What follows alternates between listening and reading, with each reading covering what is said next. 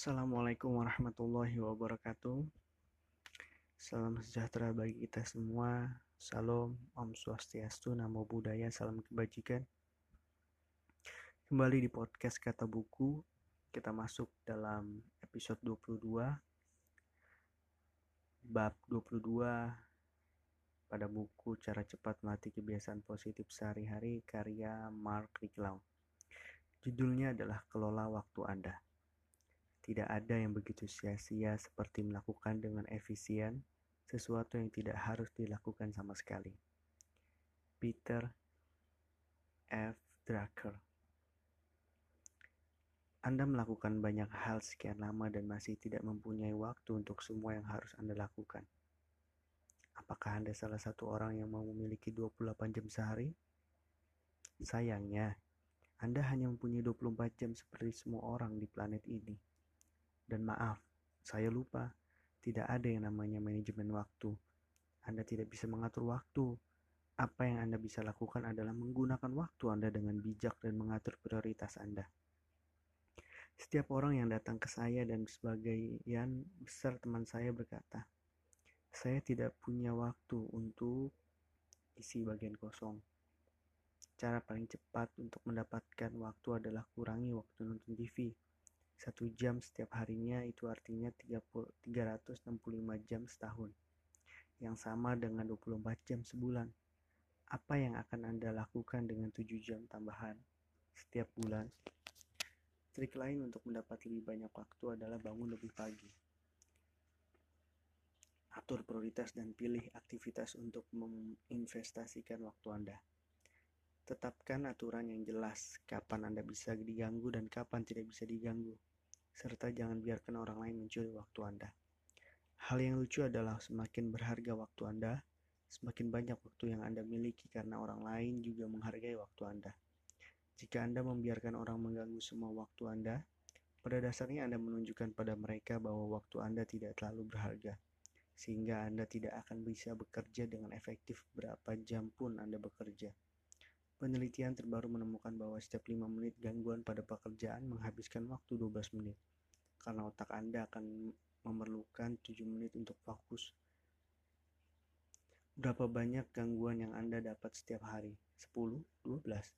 Bayangkan berapa banyak waktu yang bisa Anda dapatkan kembali saat Anda mengurangi jumlah gangguan itu. Setiap 3 menit gangguan menghabiskan waktu 10 menit. Anggap saja Anda terganggu 12 kali dalam satu hari kerja dua jam hilang. Dalam sebulan, itu seperti satu minggu tambahan. Jangan biarkan karyawan, teman, atau klien mengganggu Anda. Tetapkan aturan yang jelas itu sekarang.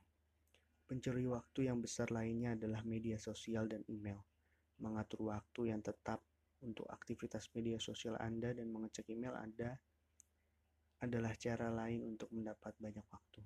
Saya mulai mendapatkan banyak waktu saat saya mulai belajar tidak belajar berkata tidak. Tidak menghemat waktu pribadi saya adalah meluangkan waktu 30-60 menit di hari minggu untuk merencanakan satu minggu ke depan. Saya menuliskan tujuan personal dan profesional setiap minggu di lembar Excel saya. Dan jangan lupa untuk menjadwalkan beberapa waktu bebas.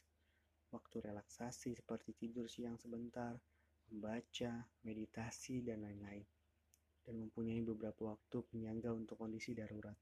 Saya juga meluangkan 15 menit setiap hari untuk merencanakan esok hari selanjutnya. Dengan cara ini, saya memberikan kesempatan pada pikiran bawah sadar saya untuk mengerjakannya saat saya tidur. Ini berhasil. Saat saya bangun keesokan harinya, saya tidak harus berpikir terlalu banyak. Saya hanya pergi bekerja. Beberapa tips penghemat waktu. Buat daftar tugas dengan tanggal dan waktu yang diperlukan. Batasi telepon 5 menit per panggilan.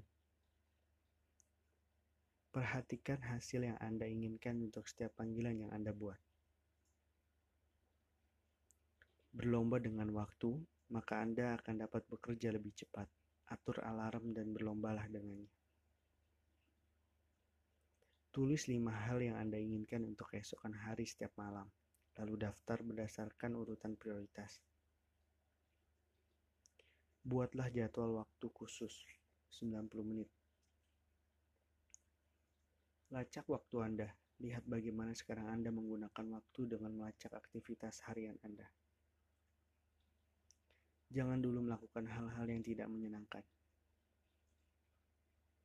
Berhentilah sibuk dan kejarlah hasil. Berhati-hatilah dengan pencuri waktu berikut ini. Kurang informasi untuk menyelesaikan tugas. Anda melakukan semua hal sendiri. Anda mulai terganggu. Anda menelepon terlalu lama. Anda menghabiskan banyak waktu untuk mencari file. Anda terus melakukan sesuatu dengan cara yang sama dan tidak menyadari bahwa ada cara yang lebih efisien untuk melakukannya. Anda berpikir harus dapat dihubungi kapan pun dan di mana pun. Jadi, apa yang akan Anda lakukan selanjutnya? Apakah Anda akan berkeras dengan alasan bahwa Anda tidak punya waktu? Atau apakah Anda akan mulai meluangkan waktu untuk hal kecil satu persatu dan merasakan perubahan untuk diri Anda sendiri? Apa yang akan Anda lakukan?